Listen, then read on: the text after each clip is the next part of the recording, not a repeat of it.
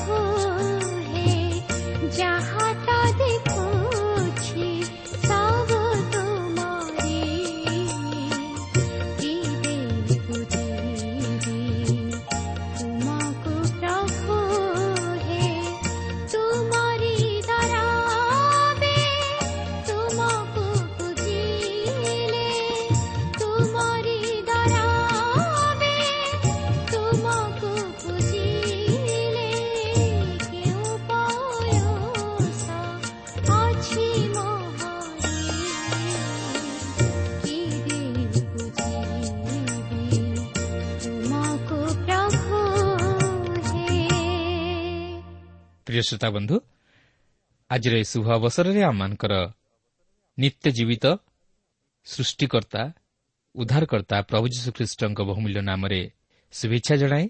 ଆଜିର ଏହି ପଥ ପ୍ରଦର୍ଶିକା କାର୍ଯ୍ୟକ୍ରମକୁ ଆପଣଙ୍କୁ ସ୍ୱାଗତ ଜଣାଏ। ଆପଣଙ୍କର ମତାମତ ନିମନ୍ତେ ବିଶେଷ ଧନ୍ୟବାଦ।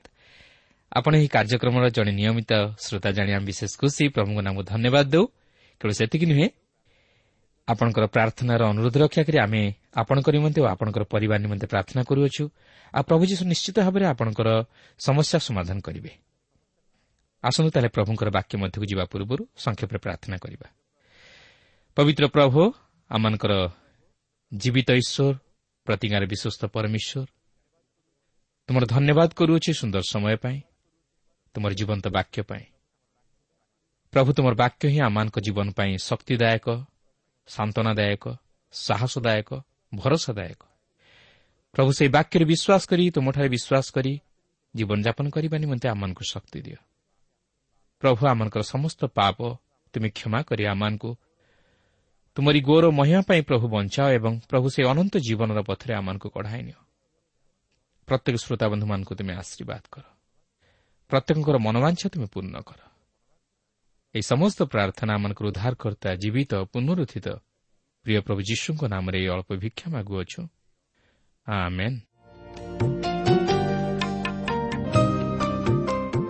ଆସନ୍ତୁ ବର୍ତ୍ତମାନ ଆମେ ପ୍ରଭୁଙ୍କର ବାକ୍ୟ ମଧ୍ୟକୁ ଯିବା। ଆଜି ଆମେ ଜୋହନ ଲିଖିତ ସୁଷମାଚାରର ବାର ପର୍ବର ସତେଇଶ ପଦରୁ ଆରମ୍ଭ କରି ପଚାଶ ପଦ ପର୍ଯ୍ୟନ୍ତ ଅଧ୍ୟୟନ କରିବା ନିମନ୍ତେ ଯିବା। ତେବେ ଆମେ ସମସ୍ତ ପଦଗୁଡ଼ିକୁ ପାଠ କରିବାକୁ ଯିବା ନାହିଁ ମାତ୍ର ଏହାର କେତେକ ମୁଖ୍ୟ ଅଂଶ ଉପରେ ଟିକେ ଦୃଷ୍ଟି ଦେବା। କିନ୍ତୁ ଯଦି ଏଥିମଧ୍ୟରୁ କୌଣସି ବିଷୟ ଆପଣଙ୍କର ବୁଝିବାରେ ଜଟିଳ ହୁଏ ତାହେଲେ ସେହି ବିଷୟ ପତ୍ର ମାଧ୍ୟମରେ ଆମ ନିକଟକୁ ଲେଖି ଜଣାଇଲେ। ଆମେ ମଧ୍ୟ ପତ୍ର ମାଧ୍ୟମରେ ତହିଁର ସଠିକ୍ ଉତ୍ତର ଦେଇ ବୁଝାଇ ଦେବା ନିମନ୍ତେ ଚେଷ୍ଟା କରିବୁ। କିନ୍ତୁ ମୋର ବିଶ୍ୱାସ ଆପଣ ଯଦି ମନୋଯୋଗର ସହିତ ଆରମ୍ଭରୁ ଶେଷ ପର୍ଯ୍ୟନ୍ତ ଭଲ ଭାବରେ ଶୁଣିବେ ତାହେଲେ ସମସ୍ତ ବିଷୟକୁ ବୁଝିବା ନିମନ୍ତେ ସମର୍ଥ ହୋଇପାରିବେ। ତେବେ ଆଜି ଆମେ ଦେଖିବାକୁ ଯିବା ଯୀଶୁ କିପରି ତାଙ୍କର ସେହି ମହିମାନ୍ୱିତ ହେବାର ସମୟ ଆଡ଼କୁ ଗତି କରୁଅଛନ୍ତି କାରଣ ସେ ଧୀରେ ଧୀରେ ତାଙ୍କର ସେହି କୃଷ୍ୟ ମୃତ୍ୟୁ ଓ ପୁନରୁତ୍ଥାନ ଆଡ଼କୁ ଅଗ୍ରସର ହେଉଅଛନ୍ତି।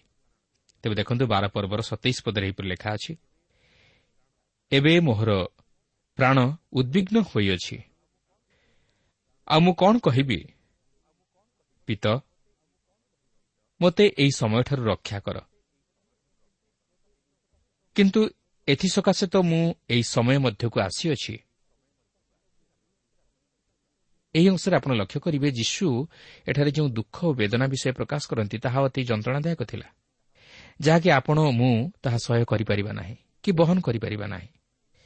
କାରଣ ଏହି ସମୟରୁ ଯୀଶୁ ତାହାଙ୍କର ସେହି କୃଷି ମୃତ୍ୟୁ ଆଡ଼କୁ ଅଗ୍ରସର ହେଉଥିଲେ ଆଉ ତାହା ଥିଲା ଆମମାନଙ୍କର ସମସ୍ତ ପାପ ଓ ଅପରାଧ। ସେ ତାହାଙ୍କର ସେହି ମୃତ୍ୟୁ ନିମନ୍ତେ ଉଦ୍ବିଗ୍ନ ହେଉନଥିଲେ। ମାତ୍ର ସେ ଯେଉଁପରି ଭାବରେ ସେହି କୃଷି ମୃତ୍ୟୁକୁ ବରଣ କରିବାକୁ ଯାଉଥିଲେ ସେଥି ନିମନ୍ତେ ଉଦ୍ବିଗ୍ନ ହେଉଥିଲେ। କାରଣ ମୋହର ପାପ ଓ ଆପଣଙ୍କର ପାପ ତଥା ସମଗ୍ର ଜଗତର ପାପର ଶାସ୍ତି ତାହାଙ୍କ ଉପରେ ବର୍ତ୍ତିଲା। ମାତ୍ର ତାହାଙ୍କର କୌଣସି ପାପ ନଥିଲା।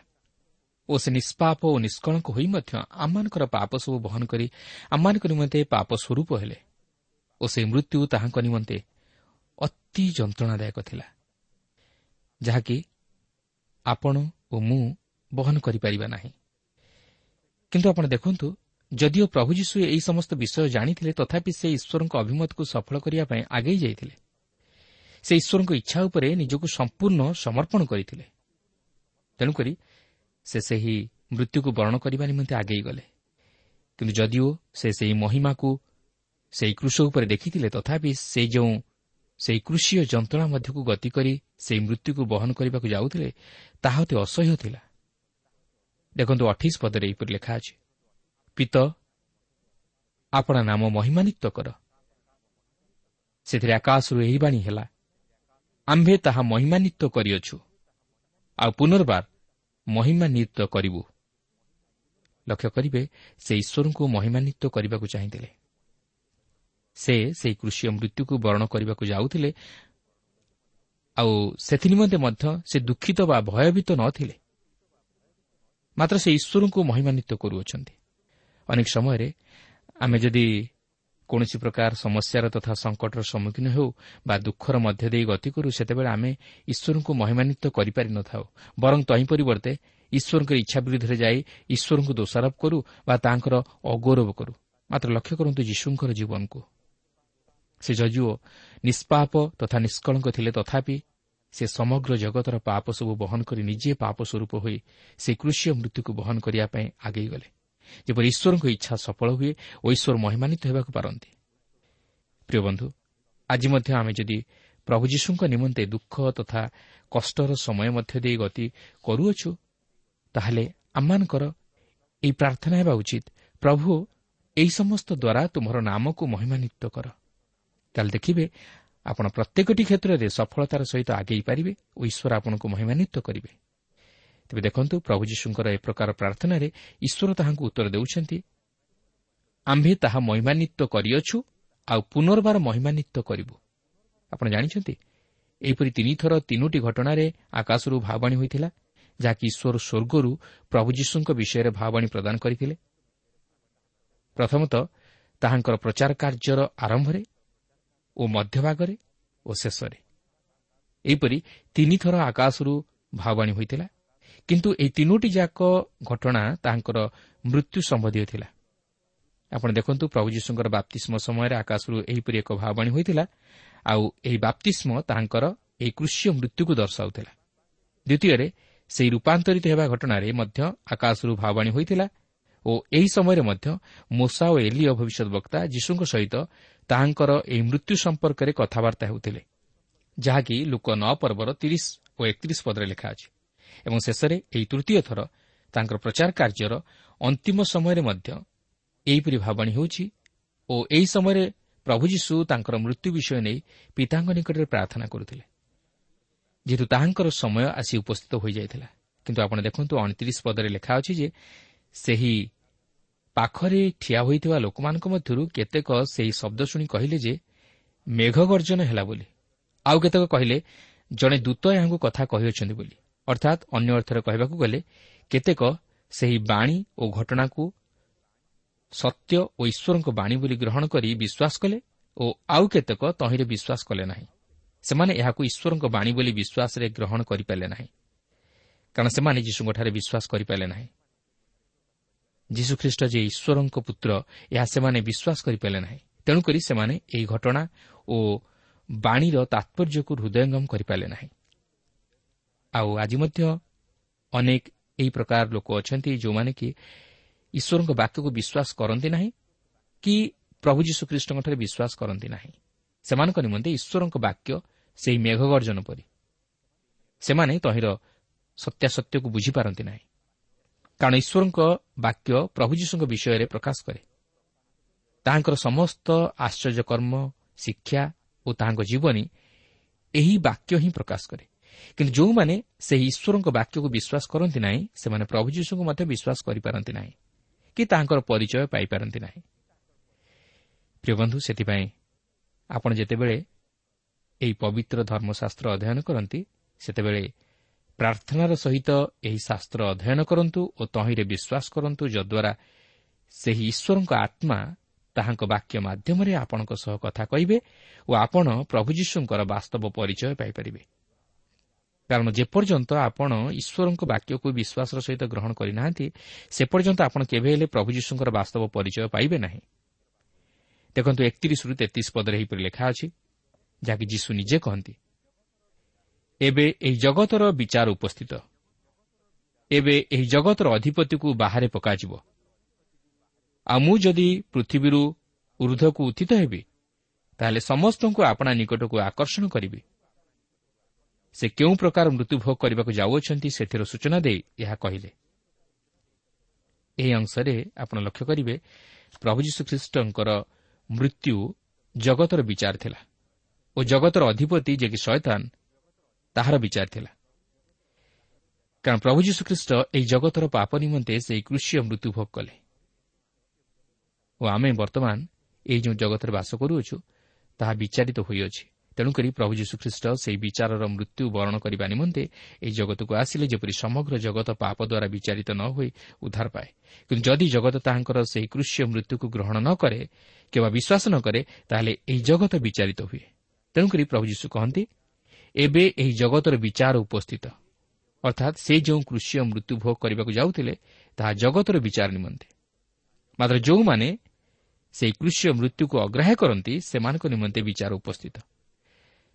ତାଛଡ଼ା ଯେତେବେଳେ ସେ କହନ୍ତି ଯେ ଏବେ ଏହି ଜଗତର ଅଧିପତିକୁ ବାହାରେ ପକାଯିବ ବୋଲି ସେତେବେଳେ ସେ କହନ୍ତି ଯେ ତାହାଙ୍କର ସେହି କୃଷ୍ୟ ମୃତ୍ୟୁ ଆଗରେ ଶୟତାନ ହାର ମାନିବ ଓ ସେ ବିତାଡ଼ିତ ହେବ ଅର୍ଥାତ୍ ସେ ପରାଜିତ ହେବ। କାରଣ ପ୍ରଭୁ ଯୀଶୁଙ୍କର କୃଷ୍ୟ ମୃତ୍ୟୁ ଖ୍ରୀଷ୍ଟଙ୍କର ବିଜୟର ଚିହ୍ନ ଓ ଶୟତାନର ପରାଜିତ ହେବାର ଚିହ୍ନ। କାରଣ ଖ୍ରୀଷ୍ଟଙ୍କର କୃଷ ଆଗରେ ଶୟତାନ ପରାଜୟ ସ୍ୱୀକାର କରେ। କେବଳ ସେତିକି ନୁହେଁ ପ୍ରଭୁ ଯୀଶୁ ଖ୍ରୀଷ୍ଟଙ୍କର କୃଷି ମୃତ୍ୟୁ ଉଦ୍ଧାରର କାର୍ଯ୍ୟକୁ ସାଧନ କରେ। ଯେତେବେଳେ ସେ କହନ୍ତି ମୁଁ ଯଦି ପୃଥିବୀରୁ ଉର୍ଦ୍ଧ୍ୱକୁ ଉତ୍ଥିତ ହେବି ତାହେଲେ ସମସ୍ତଙ୍କୁ ଆପଣା ନିକଟକୁ ଆକର୍ଷଣ କରିବି ସେତେବେଳେ ସେ ତାହାଙ୍କର ସେହି ଉଦ୍ଧାରର ମୃତ୍ୟୁ ଉପରେ ଗୁରୁତ୍ୱ ଦିଅନ୍ତି। କାରଣ ତାହାଙ୍କର ମୃତ୍ୟୁ ଲୋକମାନଙ୍କୁ ତାହାଙ୍କର ନିକଟବର୍ତ୍ତୀ କରାଇବ। ଯେହେତୁ ଯେଉଁମାନେ ସେହି କୃଷ୍ୟ ମୃତ୍ୟୁ ଉପରେ ବିଶ୍ୱାସ କରନ୍ତି ସେମାନେ ଉଦ୍ଧାର ପାଇବେ କିନ୍ତୁ ଯେଉଁମାନେ ସେହି ମୃତ୍ୟୁକୁ ଅଗ୍ରାହ୍ୟ କରନ୍ତି ସେମାନେ କେବେ ହେଲେ ଉଦ୍ଧାର ପାଇବେ ନାହିଁ। ତେଣୁ ଚିନ୍ତା କରନ୍ତୁ। ପ୍ରଭୁ ଯୀଶୁଖ୍ରୀଷ୍ଟଙ୍କର କୃଷିୟ ମୃତ୍ୟୁ ଆମମାନଙ୍କର ଜୀବନ ନିମନ୍ତେ କେତେ ଦୂର ମୂଲ୍ୟବାନ। ଏହି କୃଷିୟ ମୃତ୍ୟୁରେ ରହିଛି ଅମାପ ଶକ୍ତି ଯେଉଁ ଶକ୍ତି ଆଗରେ ଶୟତାନ ପରାଜିତ ହୁଏ ଏହି କୃଷିୟ ମୃତ୍ୟୁରେ ରହିଛି ଉଦ୍ଧାର ଯେଉଁ ଉଦ୍ଧାର କେବଳ ପାପ କ୍ଷମାକୁ ଦର୍ଶାଏ ନାହିଁ ମାତ୍ର ଈଶ୍ୱରଙ୍କ ମହାକ୍ରୋଧରୂପ ବିଚାରରୁ ଆମମାନଙ୍କୁ ଉଦ୍ଧାର କରେ କିନ୍ତୁ ଆଜି ଆମେ କ'ଣ କରୁଛୁ? ଆଜି ଆମେ କାହା ନିକଟରେ ନିଜର ପାପ ସ୍ୱୀକାର କରୁଛୁ? ଆଜି ଆମେ ଉଦ୍ଧାର ପାଇବା ନିମନ୍ତେ କାହା ନିକଟକୁ ଯାଉଅଛୁ? କିନ୍ତୁ ମନେ ରଖନ୍ତୁ ଖ୍ରୀଷ୍ଟଙ୍କ କୃଷ ବିନା ଆଉ କାହିଁରେ ପାପ କ୍ଷମା ହୁଏ ନାହିଁ। କାରଣ ସେ ହିଁ କେବଳ ଆମମାନଙ୍କୁ ପାପରୁ ଉଦ୍ଧାର କରିବା ନିମନ୍ତେ ତାହାଙ୍କର ସେହି ପବିତ୍ର ରକ୍ତ ଦେଇ ଆମମାନଙ୍କ ନିମନ୍ତେ ପ୍ରାୟଶ୍ଚିତ ସାଧନ କରିଅଛନ୍ତି। ତେଣୁ ପ୍ରିୟ ବନ୍ଧୁ ସେହି ପ୍ରଭୁ ଯୀଶୁଖ୍ରୀଷ୍ଟଙ୍କର କୃଷ ପ୍ରତି ଦୃଷ୍ଟି କରନ୍ତୁ ତାହେଲେ ଆପଣ ପାପରୁ ଉଦ୍ଧାର ପାଇ ଈଶ୍ୱରଙ୍କ ବିଚାରରୁ ରକ୍ଷା ପାଇବେ ଓ ଶୟତାନ ଉପରେ ଜୟଯୁକ୍ତ ଜୀବନଯାପନ କରିବା ନିମନ୍ତେ ସମର୍ଥ ହୋଇପାରିବେ। କାରଣ ସେହି କୃଷରେ ଅଛି କ୍ଷମା ପ୍ରେମ ଓ ଅନୁଗ୍ରହ। କିନ୍ତୁ ଏହା ବ୍ୟତୀତ ଯଦି ଆପଣ ଅନ୍ୟ କାହାର ସାହାରା ନେଇଥାନ୍ତି ତାହେଲେ ଆପଣ ଈଶ୍ୱରଙ୍କ ଦ୍ୱାରା ବିଚାରିତ ହୋଇ ସେହି ଅନନ୍ତ ନରକ ମଧ୍ୟକୁ ଗମନ କରିବେ। ଜାଣି ରଖନ୍ତୁ ଏକଥା ମୁଁ କହୁନାହିଁ ମାତ୍ର ଈଶ୍ୱରଙ୍କ ବାକ୍ୟ କହେ। ଏହାପରେ ଚଉତିରିଶ ପଦରୁ ଛତିଶ ପଦ ମଧ୍ୟରେ ଆପଣ ଦେଖିବେ ଯେ ଲୋକମାନେ ତାହାଙ୍କ କଥାର ଭାବ ବୁଝିପାରିଲେ ନାହିଁ ମାତ୍ର ସେମାନେ ଅବିଶ୍ୱାସ କଲେ। କିନ୍ତୁ ଯୀଶୁ ସେମାନଙ୍କୁ ପରିଷ୍କାର ଭାବେ କହନ୍ତି ଯେ ସେ ହେଉଛନ୍ତି ଜଗତର ଜ୍ୟୋତି ଓ ଯେଉଁମାନେ ସେହି ଜ୍ୟୋତିରେ ବିଶ୍ୱାସ କରନ୍ତି ସେମାନେ ଅନ୍ଧକାରରେ ଭ୍ରମଣ କରନ୍ତି ନାହିଁ ମାତ୍ର ଜ୍ୟୋତିରେ ଭ୍ରମଣ କରନ୍ତି ଓ ଜ୍ୟୋତିର ସନ୍ତାନ ହୁଅନ୍ତି। କାରଣ ସେ ହେଉଛନ୍ତି ସେହି ଜ୍ୟୋତି ଯିଏକି ଅନ୍ଧକାର ମଧ୍ୟରେ ଆଲୁଅ ପ୍ରଦାନ କରନ୍ତି। ଆଜି ଯଦି ଆମେ ଏହି ଅନ୍ଧକାରମୟ ଜଗତରେ ଜୀବନ ଅତିବାହିତ କରିବାକୁ ଚାହୁଁ ତାହେଲେ ପ୍ରଭୁ ଯୀଶୁଖ୍ରୀଷ୍ଟଙ୍କୁ ଜ୍ୟୋତି ରୂପେ ଗ୍ରହଣ କରୁ। ତାହେଲେ ଆମମାନଙ୍କର ଅନ୍ତରସ୍ଥ ଜ୍ୟୋତି କେବେ ହେଲେ ଅନ୍ଧକାର ହେବ ନାହିଁ। କିନ୍ତୁ ଏଠାରେ ଆପଣ ଲକ୍ଷ୍ୟ କରିବେ ସେମାନେ ତାହାଙ୍କ କଥାର ଭାବ ବୁଝିପାରିଲେ ନାହିଁ। ତାହେଲେ ଭୁଲ କେଉଁଠି? କ'ଣ ଯୀଶୁ ସେମାନଙ୍କୁ ଭୁଲ କହିଲେ? ନୁହେଁ। ମାତ୍ର ସେମାନଙ୍କର ଆତ୍ମିକ ଚକ୍ଷୁ ପ୍ରସନ୍ନ ହୋଇନଥିଲା ସେମାନେ ଆତ୍ମିକ ଭାବରେ ଅନ୍ଧ ଥିଲେ। ସେମାନେ ସେହି ଜ୍ୟୋତିକୁ ଗ୍ରହଣ କରିନଥିଲେ ଯଦ୍ୱାରା ସେମାନେ ତାହାଙ୍କର କଥାର ଭାବ ବୁଝିପାରିଲେ ନାହିଁ। ତେଣୁକରି ଆପଣ ଦେଖନ୍ତୁ ଯେ ଏହି ବାର ପର୍ବର ସଇଁତିରିଶରୁ ପଚାଶ ପଦ ମଧ୍ୟରେ ସେ ସେମାନଙ୍କର ଦୁର୍ବଳତା ବିଷୟ ନେଇ ପ୍ରକାଶ କରନ୍ତି ଓ ସେ କହନ୍ତି ଯେଉଁମାନେ ନିଜକୁ ଅନ୍ଧ ବୋଲି ସ୍ୱୀକାର କରି ସେହି ଜ୍ୟୋତିଙ୍କୁ ଗ୍ରହଣ କରିବାକୁ ଚାହିଁବେ ସେ ସେମାନଙ୍କର ଆତ୍ମିକ ଚକ୍ଷୁ ଖୋଲିଦେବେ ଯଦ୍ୱାରା ସେମାନେ ସତ୍ୟର ପରିଚୟ ପାଇପାରିବେ କିନ୍ତୁ ସେ ଏଠାରେ ସେମାନଙ୍କର ଅନ୍ଧତା ବିଷୟ ପ୍ରକାଶ କରି କହନ୍ତି ଯେ ଜିସା ଭାବାଦୀଙ୍କ ପୁସ୍ତକର ତେପନ ପର୍ବରେ ତାହାଙ୍କର ମୃତ୍ୟୁ ବିଷୟରେ ପ୍ରକାଶ କରାଯାଇଅଛି କିନ୍ତୁ ସେହି ଭାଓବାଣୀ ଏହିପରି ଭାବରେ ସଫଳ ହେବାକୁ ଯାଉଅଛି। ତେବେ ଯୀଶୁ ସେମାନଙ୍କୁ ଏପରି କହିବାର କାରଣ ହେଉଛି ଯେ ସେମାନେ ଯଦିଓ ସେହି ଜଗତର ଜ୍ୟୋତିଙ୍କ ସମ୍ମୁଖରେ ଛିଡ଼ା ହୋଇଅଛନ୍ତି ତଥାପି ସେମାନେ ସେମାନଙ୍କର ଅବିଶ୍ୱାସ ଓ ହୃଦୟର କଠିନତା ହେତୁ ତାହାଙ୍କୁ ଅଗ୍ରାହ୍ୟ କରିବେ। ଫଳତଃ ସେମାନେ ସେହି ଜ୍ୟୋତିଙ୍କୁ ଗ୍ରହଣ କରିପାରିବେ ନାହିଁ କି ସେମାନଙ୍କର ଆତ୍ମିକ ଅନ୍ଧତା ଦୂର ହୋଇପାରିବ ନାହିଁ। ଏପରିକି ଜିସାୟ ପୁସ୍ତକର ଛଅ ପର୍ବରେ ଯେଉଁ ଭାବଣୀ ପ୍ରଦାନ କରାଯାଇଥିଲା ଯେ ସେ ସେମାନଙ୍କର ଚକ୍ଷୁ ଅନ୍ଧ କରିଅଛନ୍ତି ଆଉ ସେମାନଙ୍କ ହୃଦୟ ଜଡ଼ କରିଅଛନ୍ତି।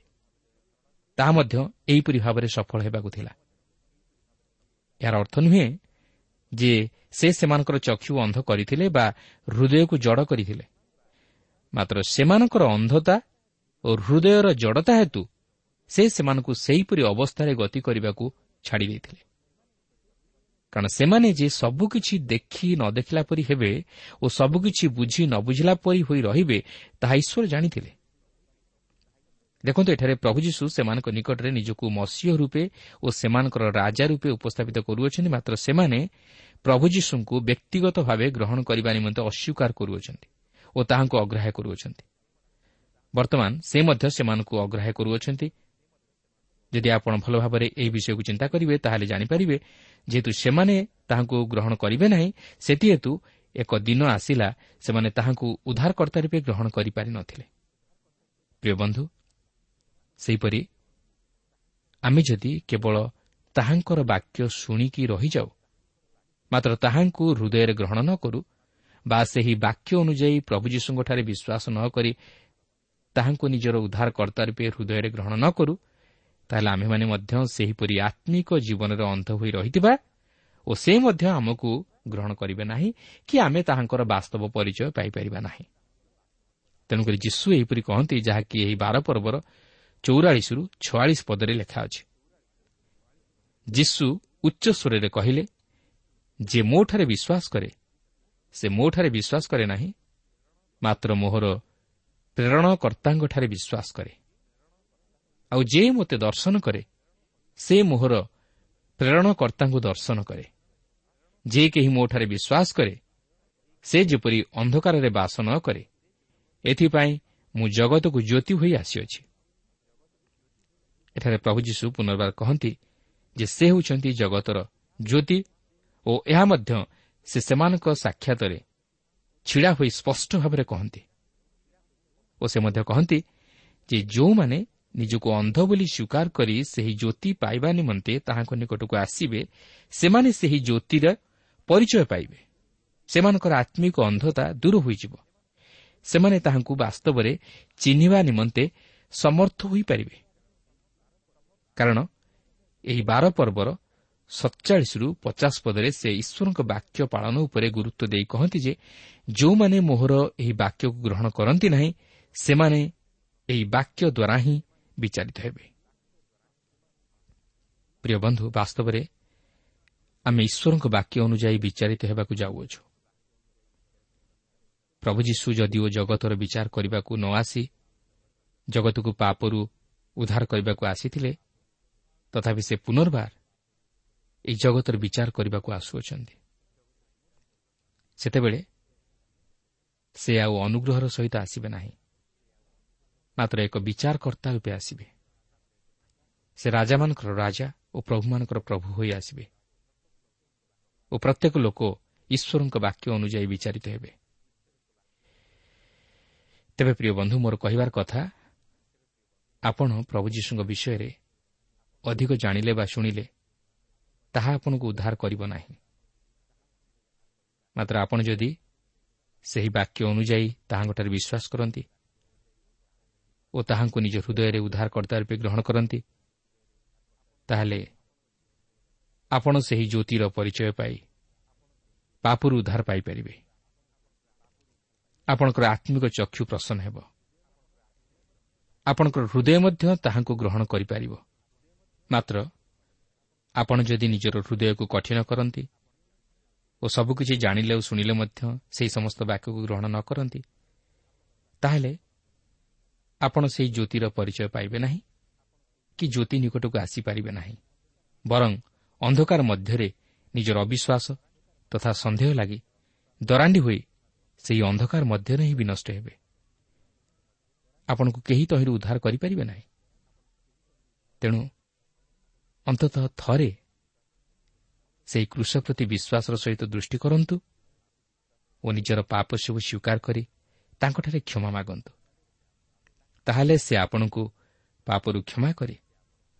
ଈଶ୍ୱରଙ୍କ ମହାବିଚାରରୁ ଆପଣଙ୍କୁ ଉଦ୍ଧାର କରିବେ।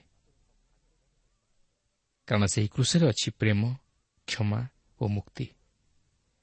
ଓ ସେହି ଖ୍ରୀଷ୍ଟଙ୍କଠାରେ ଅଛି ବାସ୍ତବ ଜ୍ୟୋତି ଯାହାଙ୍କୁ ନିଜ ହୃଦୟରେ ଗ୍ରହଣ କରିବା ଦ୍ୱାରା ଆପଣ ଏହି ଅନ୍ଧକାରମୟ ଜଗତରେ ଝୁଣ୍ଟି ପଡ଼ିବେ ନାହିଁ କି ଦିଗହରା ହେବେ ନାହିଁ। ବରଂ ଜୀବନର ଲକ୍ଷ୍ୟସ୍ଥଳରେ ପହଞ୍ଚି ସେହି ଅନନ୍ତ ଜୀବନର ଅନନ୍ତ ସୁଖ ଶାନ୍ତି ଓ ଆନନ୍ଦକୁ ଅନନ୍ତ କାଳ ପର୍ଯ୍ୟନ୍ତ ଈଶ୍ୱରଙ୍କ ସହିତ ରହି ଉପଭୋଗ କରିପାରିବେ।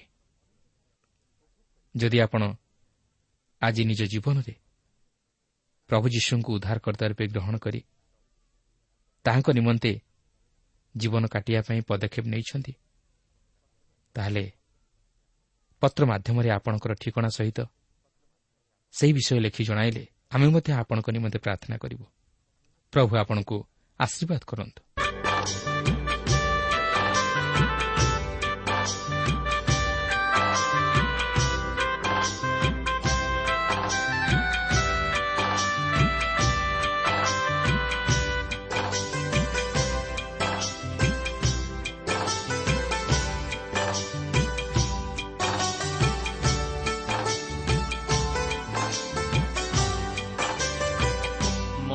ଜୀବନ ପାଣିର ଫଟୋ ଏଇ ଅଛି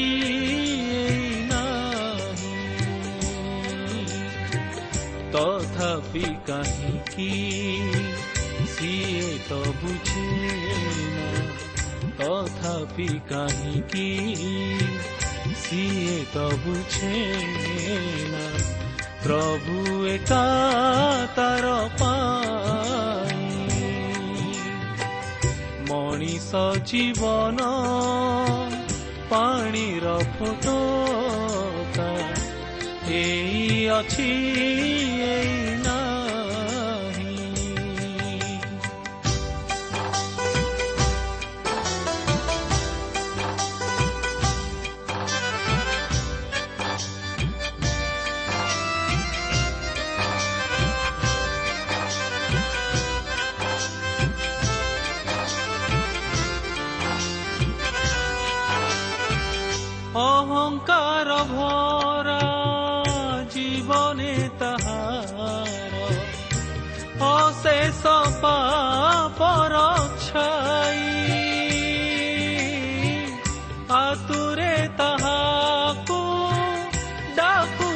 ଡାକୁଛନ୍ତି ପ୍ରଭୁ ପରିତ୍ରାଣ ଦେବା ପାଇ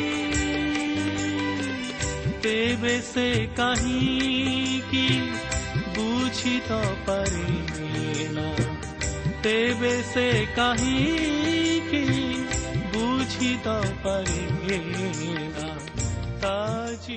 ପ୍ରିୟ ଶ୍ରୋତା ଆପଣ ଈଶ୍ୱରଙ୍କ ବାକ୍ୟ ଶୁଣିବା ନିମନ୍ତେ ସମୟ ଦେଇଥିବାରୁ ଆମେ ଧନ୍ୟବାଦୀ। ଆପଣ ଯଦି ପ୍ରଭୁ ଯୀଶୁଙ୍କର ବାକ୍ୟ ବିଷୟରେ ଓ ତାହାଙ୍କର ପ୍ରେମ ବିଷୟରେ ଅଧିକ ଜାଣିବାକୁ ଚାହାନ୍ତି ଯାହାକି ଆପଣଙ୍କୁ ପାପରୁ ଉଦ୍ଧାର ପାଇବା ନିମନ୍ତେ ପଥ ଦେଖାଇବ ତାହେଲେ ଆମ ସହିତ ପତ୍ର ମାଧ୍ୟମରେ ଅଥବା ଟେଲିଫୋନ୍ ଯୋଗେ ଯୋଗାଯୋଗ କରନ୍ତୁ। ଆମର ଠିକଣା ପଥ ପ୍ରଦର୍ଶିକା Trans World Radio India post box number ତିନି ତିନି ଭୁବନେଶ୍ୱର ସାତ ପାଞ୍ଚ ଏକ ଶୂନ ଶୂନ ଏକ mobile number nine seven double seven double two one four one five ଠିକଣାଟି ଆଉଥରେ ଶୁଣନ୍ତୁ ପଥ ପ୍ରଦର୍ଶିକା Trans World Radio India post box number three three Bhubaneswar seven five one zero zero one mobile number nine seven double seven double two one four one five ଆମର email ଆଡ୍ରେସ୍ଟି ଲେଖି ରଖନ୍ତୁ Odia TV at radio eight eight two dot com ତେବେ ଆଜି ପାଇଁ ଏଠାରେ ରଖୁଛୁ। ପ୍ରଭୁ ଯୀଶୁ ଆପଣଙ୍କୁ ଆଶୀର୍ବାଦ କରନ୍ତୁ। ନମସ୍କାର। ସେ ପାପି ମଣିଷ କେବେ ବି ଚାହେଁ ସେ ପାପି ମଣିଷ କେବେ ବି ଚାହେଁ ସେ ପ୍ରେମ ବୁଝିବା ପାଇଁ ମଣିଷ ଜୀବନ ପାଣିର ଫଟୋ ହେଇ ଅଛି